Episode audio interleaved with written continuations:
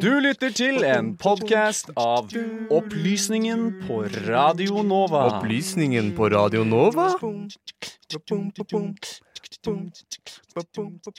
I 2018 ble det i Norge solgt 26 millioner liter ren alkohol.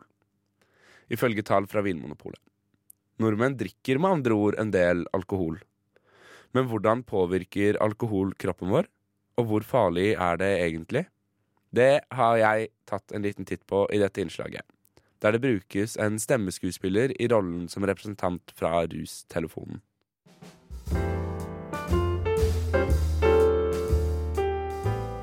Det er fredag, og alle ukens gjøremål er gjort. Du har levert eksamen, vært på forelesninger, eller kanskje bare lest pensum hele uken. Men nå er det tross alt helg, og du og noen venner skal ut på byen og kose dere sammen. Kanskje begynner dere å vorse hos en kompis klokken åtte.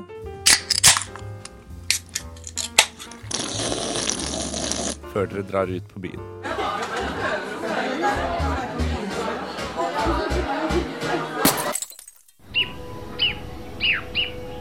Dagen etter våkner du i sengen din med hodepine og kvalme og ser at det ligger en halvkald kebab i hjørnet på rommet ditt. Du åpner kontooversikten og ser at det er mye mindre på konto i dag enn det det var i går. Du banner for deg sjæl og sier du aldri skal drikke igjen. Men allikevel, neste helg, så er det på'n igjen. Norske studenter drikker mye. Ifølge Studentenes helse- og trivselsundersøkelse, SHoT, oppga 90% av norske studenter at de drakk alkohol, og 14% oppga at de drakk to til tre ganger i uken. Samtidig er det også en økning i mengden som drikkes av studenter. SHoT-undersøkelsen forteller oss at hele 53% av de spurte drikker mellom fem og ni alkoholenheter i uken. Man kan trygt si at alkohol er en del av studenttilværelsen. Men hvilke effekter har dette alkoholforbruket på oss? De umiddelbare effektene av alkoholinntak er nok kjent for mange av oss. Hevet stemmeleie, redusert konsentrasjonsevne, hemmet korttidshukommelse, nedsatt læringsevne og en sløvet kritisk sans er bare noen av de umiddelbare effektene av alkoholinntak. Men drikker vi nordmenn virkelig så mye?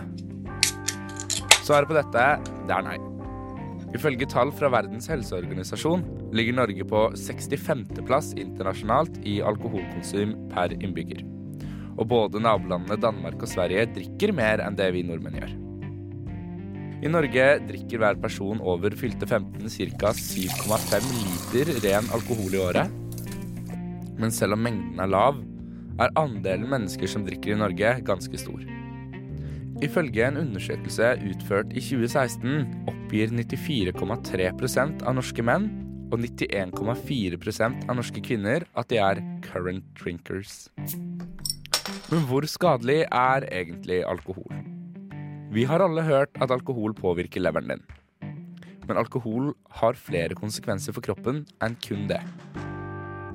Langvarig eller omfattende bruk av alkohol kan føre til hjerneskader eller problemer med hjernens utvikling. Hjerte- og lungeproblemer, økt risiko for utvikling av psykiske lidelser og kreft er også konsekvenser av ekstensiv eller langvarig inntak av alkohol. Alkohol er også svært avhengighetsskapende. I en oversikt presentert av American Addiction Center, en samling av amerikanske leger og forskere, blir alkohol presentert som det andre mest avhengighetsskapende stoffet, kun slått heroin. På denne oversikten når nikotin kun opp til en femteplass. Altså er alkohol mer avhengighetsdannende enn nikotin, mener amerikanerne. Men er det noe positivt med alkohol? Vi kontaktet Rustelefonen for å spørre dem om akkurat dette.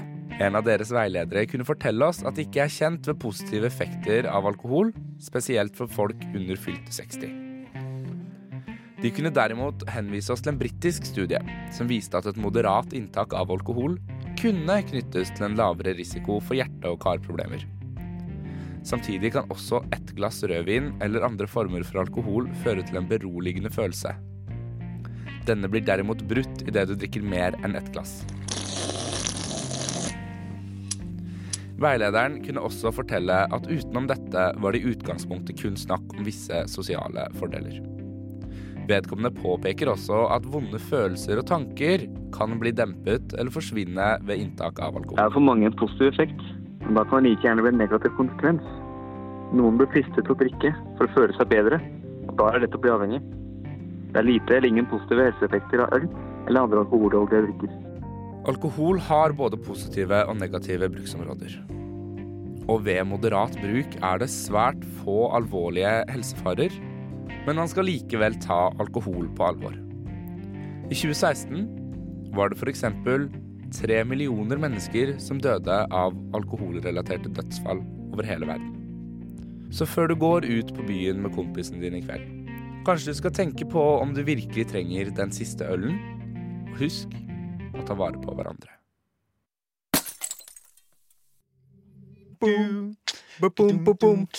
Du har nå hørt en podkast fra Opplysningen 99,3. Finn denne og tidligere episoder på Spotify, iTunes eller der du måtte finne dine podcaster ellers.